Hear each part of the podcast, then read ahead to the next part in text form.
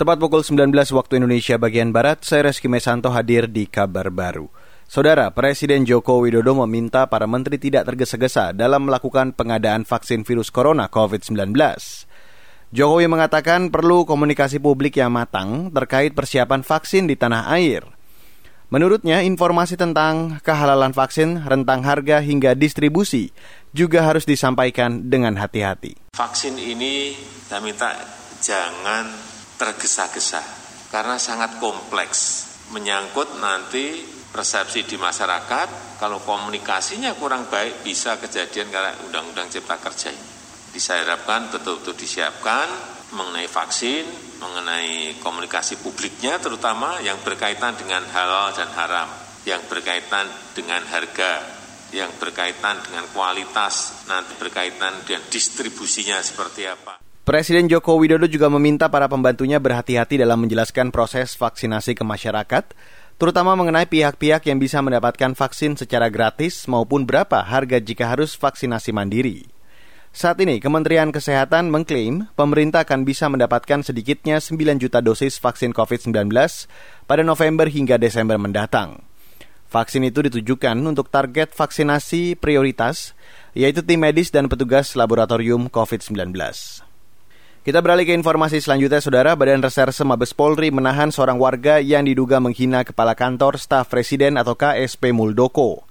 Warga itu ditahan karena melakukan penghinaan melalui laman Facebook atas nama Muhammad Basmi. Juru bicara Mabes Polri Awi Setiono mengatakan yang bersangkutan ditangkap minggu kemarin di wilayah Jakarta Utara. Jadi yang bersangkutan ditangkap ini terkait dengan ujaran kebencian yang diposting yang bersangkutan di akun Facebook Muhammad Basmi.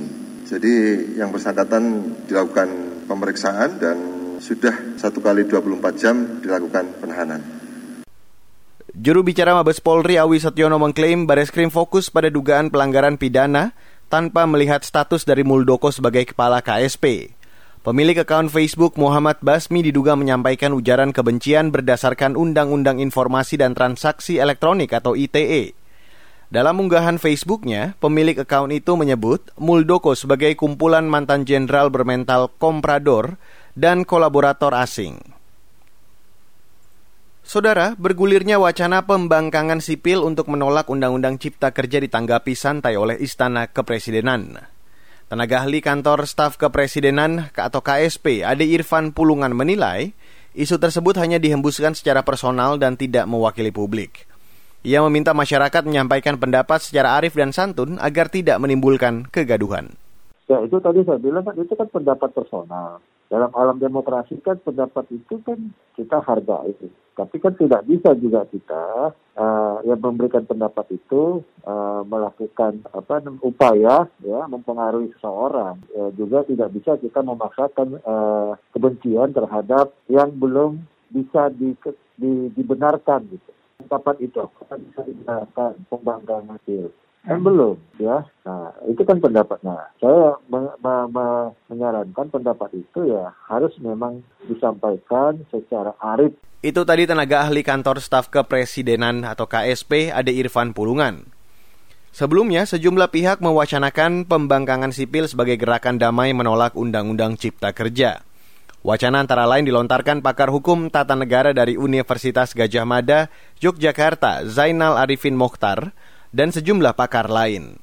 Menurut mereka, pembangkangan sipil bukan ajakan melakukan kekerasan, melainkan ajakan damai membangkang dari aturan meskipun gerakan ini bisa dianggap melanggar hukum. Dan saudara demikian kabar baru, saya Reski Mesanto.